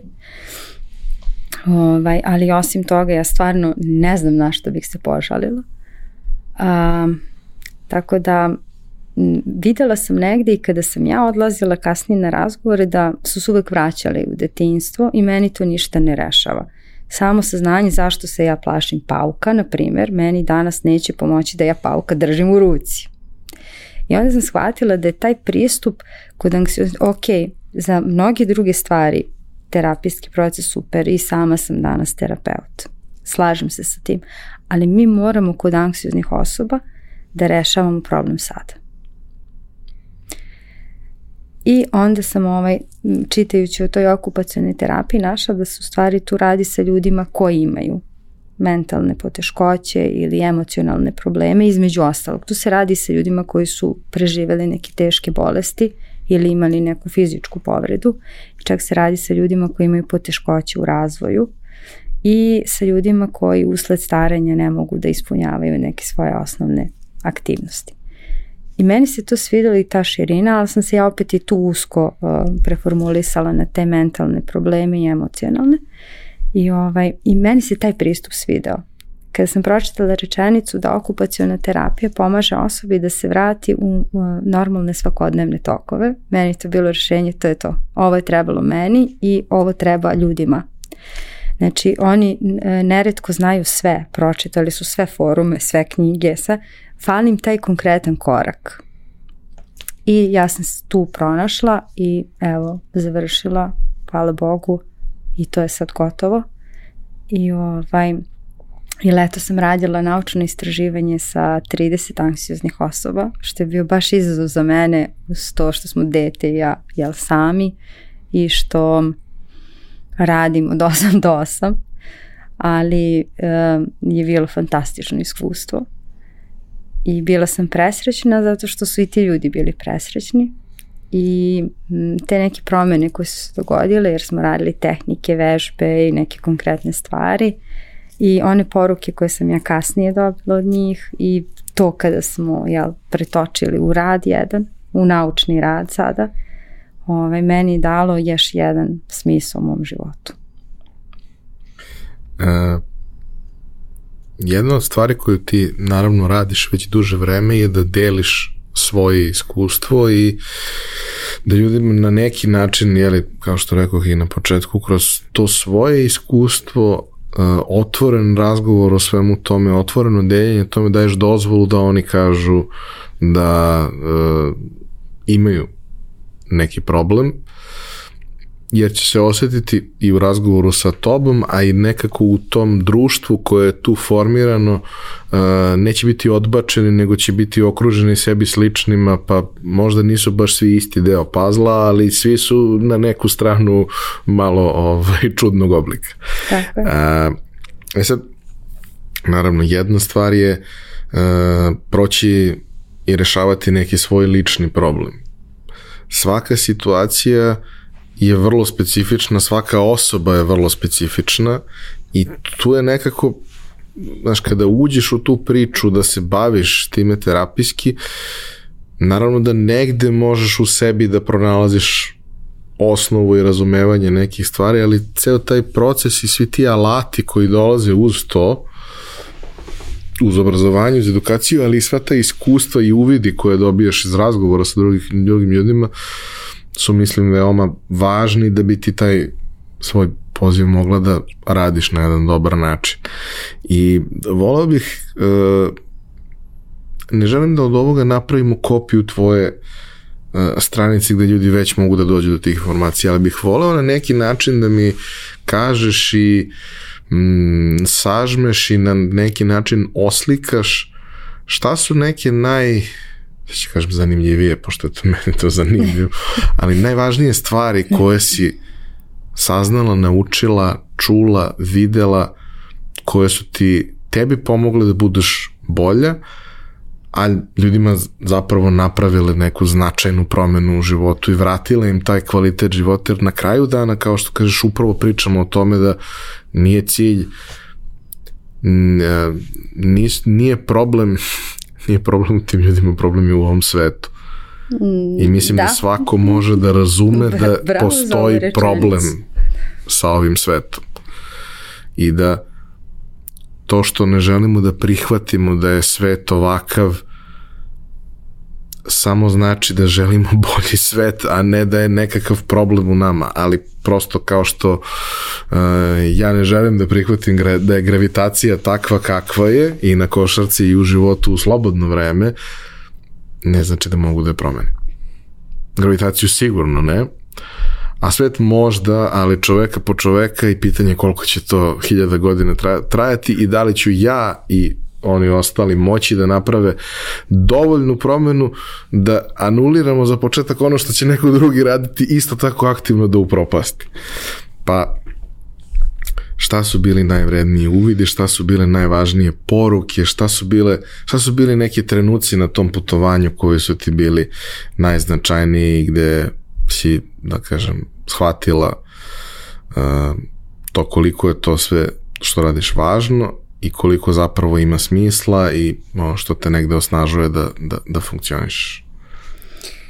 Uh, počet ću od ovih stvari koje su meni bile važne u prevazilaženju anksioznosti, pa ću se vratiti na to šta sad meni pokazuje smisao svega.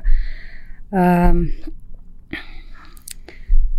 jedna stvar uh, koja mi je možda promenila uh, ugao gledanja je ta što sam shvatila da je anksioznost most koji povezuje ego sa dušom.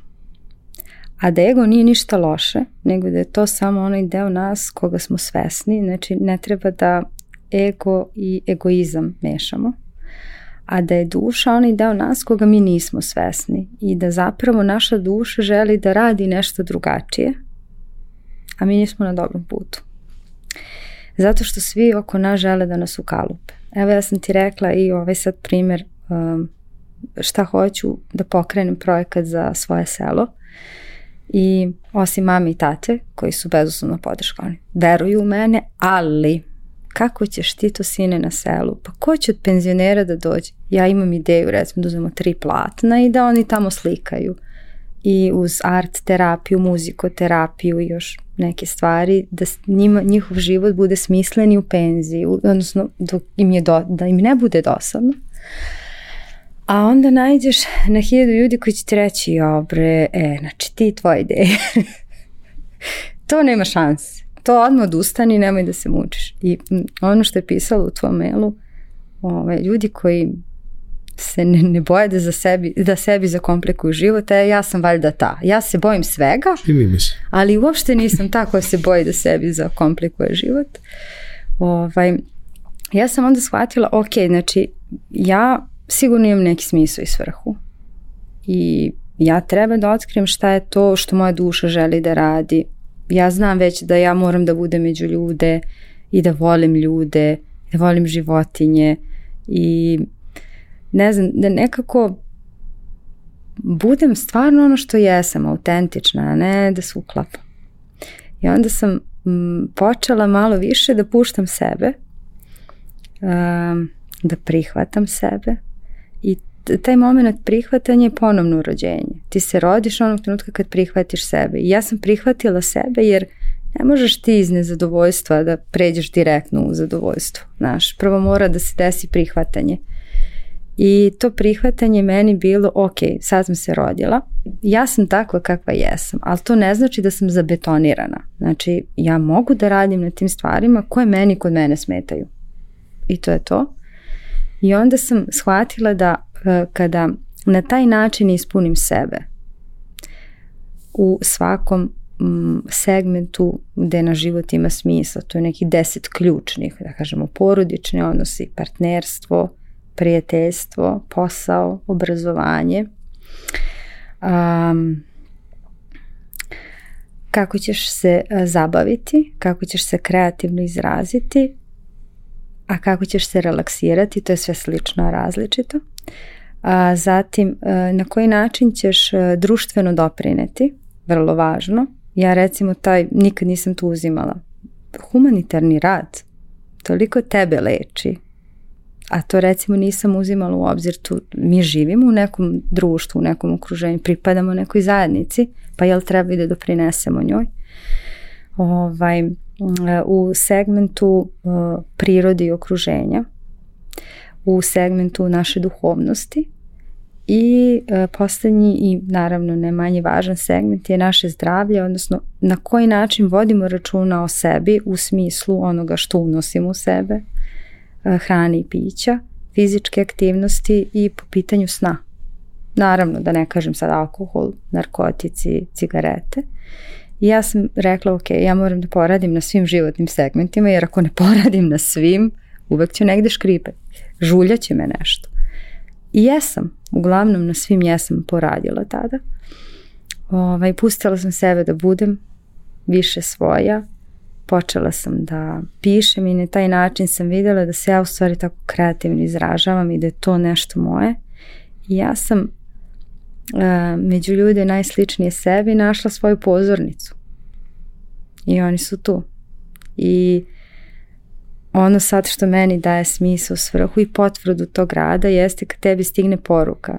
I naprimjer, za sada sam ja bila na neki način, stvarno ne mogu da kažem da sam ja tu uradila nešto, ali sam bila na neki način podrška da se sedam žena ostvari u ulozi majke. Iako ništa dobro nisam uradila u životu, bar je to dobro. Um, na neki način sam podržala da se sedam beba rodi.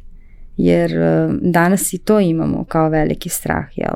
Žena se plaši celog tog procesa. Tako da te, ja baš, baš redko objavim neku pohvalu jer to ljubomorno čuvam za sebe i svakodnevno se tebi neko javi i kaže samo ja svakog dana čekam tvoj story, jer taj story meni da neki vetar u leđa i ja sam ok tog dana. To čuvam za sebe. Evo sad kažem ovde kod teba, a zaista ni ne pričam o tome. Ovaj, jer na neki način mm, ja sam tu najviše povlašćena.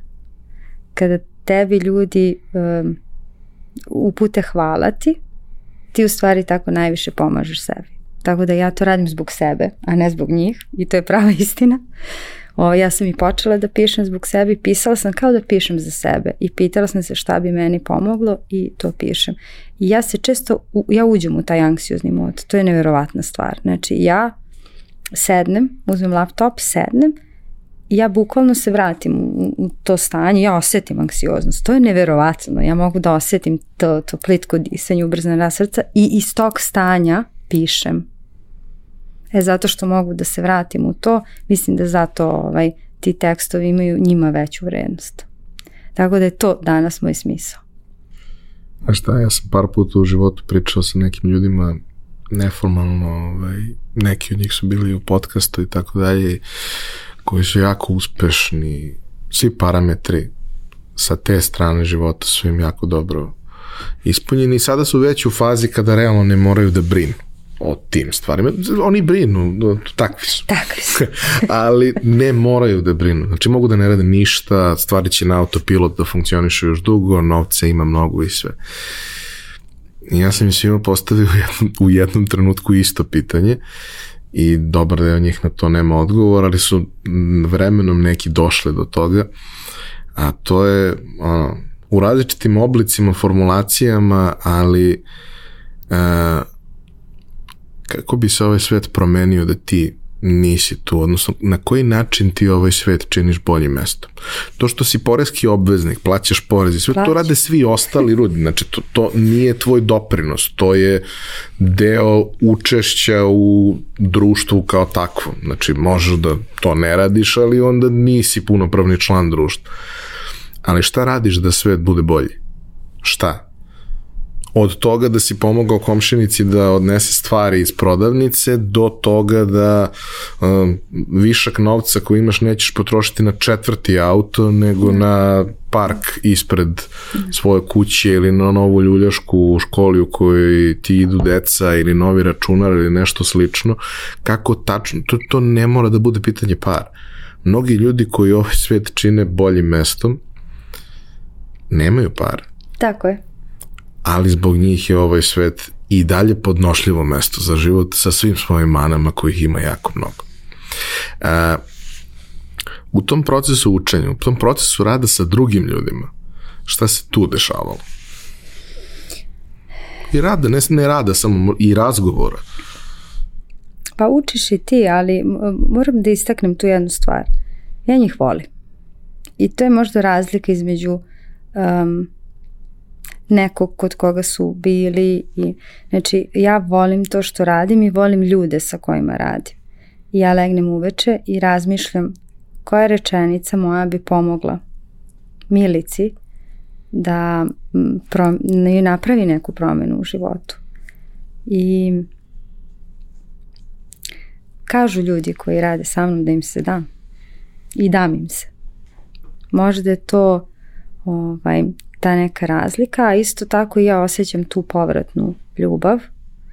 I ovaj i e, nekako i ta moja terapija, oblik terapije, okupaciona terapija, ne moraš da budeš e, onako daleko sa pacijentom ili klijentom, kako god, ovaj, e, ne moraš da budeš na, na velikoj razdaljini, već možete zajedničkim snagama interakcijom, kroz vežbe, kroz tehnike, kroz vežbe samo pomoći, jer tih sat vremena koliko mi provedemo nedeljno ili jednom u dve nedelje, ako oni ne rade ništa, ostatak vremena do naravne terapije, naravno da neće biti pomaka, pa se tu uključuju i vežbe samo pomoći. Ovaj, um, šta sam htela da kažem? Ja da ti postavim jedno potpitanje, Ajde. a to je uh, kroz taj proces ti se srećeš sa ljudima koji imaju drugačije oblike mm -hmm. svega toga, koji e, hajde da banalizujemo maksimalno, koje rade drugačije stvari. Da koji imaju drugačije povode, koji imaju drugačije manifestacije, do kojih put nije isti. Najgora stvar koju možeš da uradiš u radu sa ljudima, u bilo kom obliku, profesionalnom radu, klijent, yes. ovaj, u bilo kom poslu konsultantskom, uh, je da misliš da se svima može sve isto. Mislim, sa velikom većinom mnoge stvari su vrlo slične i ako ih ogolimo i banalizujemo potpuno, vrlo verovatno postoji algoritam sa četiri tačke koje su svude iste, ali one ne izglede isto. I dužina uh, linija između tih tačaka nije ista i put nije isti, ima tu i nekih stepenica, ima i svega i svačega. Ovaj, I prosto uh, naravno da kada je nekom stalo mm. se dešavaju čuda da. i to što je tebi stalo definitivno pravi jako veliku razliku, ali prosto a, ispričala si svoje iskustvo, donakle si se dotakla nekih iskustava drugih ljudi kroz, kroz detalje, ali bih voleo da kroz ovaj završni deo razgovora negde probamo da objasnimo da ako nema, neko nema iskustvo kakvo je tvoje, to i dalje ne menja činjenicu da za problem koji ima ne postoji neko drugo rešenje, samo je put malo drugačiji. Možda će imati neke zajedničke tačke, neke zajedničke raskrsnice. Ali kao one knjige kad smo bili mali koje sam volao više nego bilo koje druge. Koje? Koje kada kreneš da ih čitaš dođeš na raskrsnicu i onda biraš nastavak i imaš jednu knjigu od 30 krajeva i najvažnija stvar je bila da ja sednem i da prođem sva scenarija da jedan, ok, ja znam koji mi se najviše sviđa, jedno ću to da pročitam još tri puta ali hoću da znam šta sve može da se desi. Je život mnogo više liči na tu knjigu nego na neku drugu. Tako je. Mada ima dobre knjige i ovako. Ovaj, a, prosto to kao a, jedno si ti anksiozni optimista koji priča svoje iskustvo. Drugo si ti kao neko ko je neformalna vrsta podrške osoba koja je tu da sasluša, da da savet, da nekome ovaj, kroz taj neki odnos online, kroz poruke pomogne i tako dalje.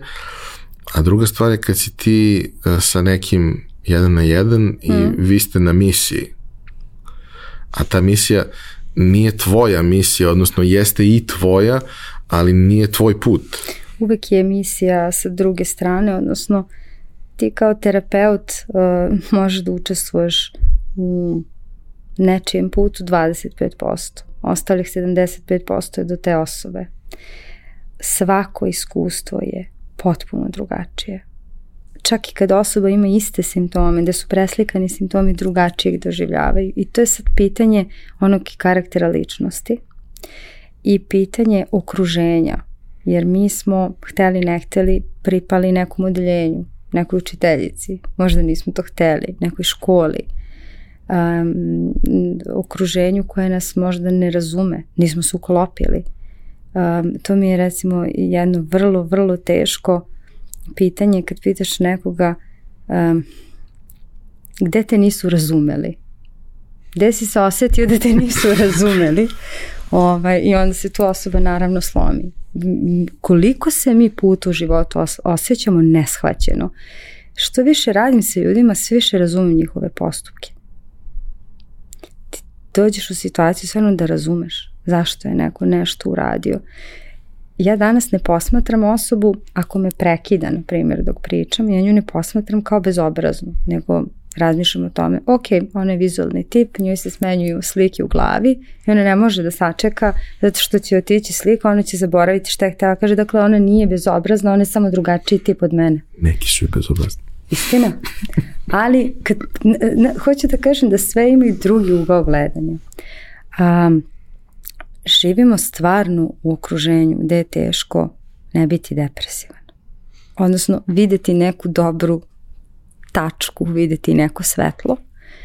Ovaj, um, I čini mi se da ljudi sve manje vide da će biti bolje. E, to je problem. Uh, ja sam sad taj tip koji uvek zna da će biti dobro. To je za mene optimizam. Ne ono, imaću milion dolara. To, apsolutno mi to nije sfera interesovanja, nego ja znam da ću ja biti dobro i da će na kraju sve biti dobro. Kako god. Ali mnogi ljudi nemaju tu uh, sliku. I onda prvo treba da, ovaj, da ih vratiš u to, da vidiš šta je njihov motiv da oni prevaziđu to. Znači, kada neko dođe kod mene prvo moramo da otkrijemo motiv. Jer ako on nema dobar motiv, ako se on super snalazi u, u, u svom u svojoj sigurnoj zoni i ako ne želi zaista da izađe iz te zone, mi ništa uraditi nećemo. Znači, taj neki individualni pristup mora da postoji. Um, svaka osoba je za sebe, a i uh, anksioznih poremeća ima puno. I ja ih nisam možda imala sve, ali veliku većinu jesam, nažalost. ovaj, jer se smenjuju. Ti u jednom trenutku kada si zatvoren u kući, na kraju posle imaš i socijalnu fobiju. Ne, ne znaš kako komuniciraš sa ljudima, izgubio si to, kao da si živeo u šumi jedno dve godine i sad se kao vraćaš u civilizaciju, kao to je okej, okay. pa nije okej, okay. ne znaš. Ti misliš da se svet to, ja se sećam momenta da sam ja mislila da ja sve što sam učila da to više ne važi, da se svet okrenuo, da je sve toliko napredovalo da ja više ne postojim. Zapravo sve je bilo isto. Tako da, ovaj, da, taj individualni pristup je ključna stvar i e, to je to. I rekla sam, rekla sam jednu stvar, a to je da kad prvi put budem prevrnula oči zato što mi je neko pozvonio na vratu ordinacije ili zato što me neko pozvao online, kad radim online, rekla sam neću to onda da radim, radit ću nešto drugo što će me u tom trenutku ispuniti, jer je to fair i prema meni i prema tim ljudima svi smo mi anksiozni, ali nismo baš svi optimisti. to je istina, da. Ove, ovaj, hvala ti mnogo na ovome što, što si ispričala.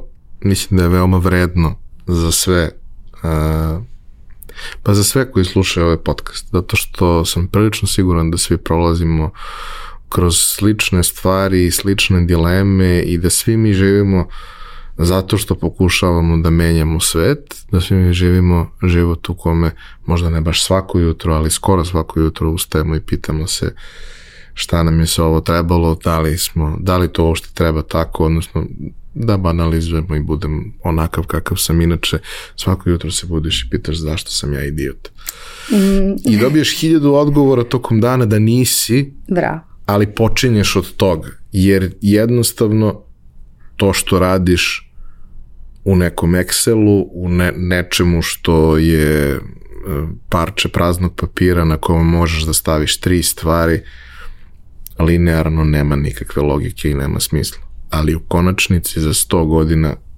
ima i no, svi smo mi ako smo se opredelili za sve ovo i radimo stvari na taj način, svi smo mi makar pokušali da trčimo taj maraton, pa sad neki uspeju, neki ne uspeju, neki ih trče mnogo, neki trče mnogo u paraleli, ti, ti baš imaju problem, ali to je ono... Kako biš ono? osam ruku i dve glave. Jest. Ovaj, svi nekako pokušavamo da promenimo status quo, a status quo ne bi bio to što jeste da ne teži tome da se vrati. Uvek da se vrati. E, za sam kraj, šta dalje? Šta je neki tvoj, uh. ok, rekla si kad prevrneš očima, ali šta bi volel? Volela bih da se nikad ne zasjetim toga i da uvek budem kao prvog dana sa, sa tom željom da to radim, jer me to jako ispunjava. A šta dalje? E, moja ideja je neka mini klinika gde će ljudi moći da dolaze u dnevnu bolnicu um, i da za neki kraći vremenski period prevazilaze te poteškoće i da se brže vraćaju u normalne svakodnevne tokove. A, treba puno i novca i rada na tome, ovaj, ali ja to negde u svojoj glavi vidim i verujem da ću u nekom trenutku uspeti a, to da ostvarim uh, van tog plana uh, svakog dana da se trudim da budem bolji čovek za sebe, zbog sebe i zbog svog sina i zbog okruženja, zbog ljudi koje volim, kojima se divim i da širimo ljubav. Valjda je to to. Siguran sam da je to to. Hvala vam što ste nas slušali. To bi bilo to za ovu nedelju. Sva pitanja, sugestije, sve ostalo. Zato imate komentare na YouTube-u. Zapratite anksioznog optimistu i ako niste anksiozni, jer kad zapratite, shvatit ćete da jeste. to bi bilo to. Mi se čujemo i vidimo ponovo naredne nedelje.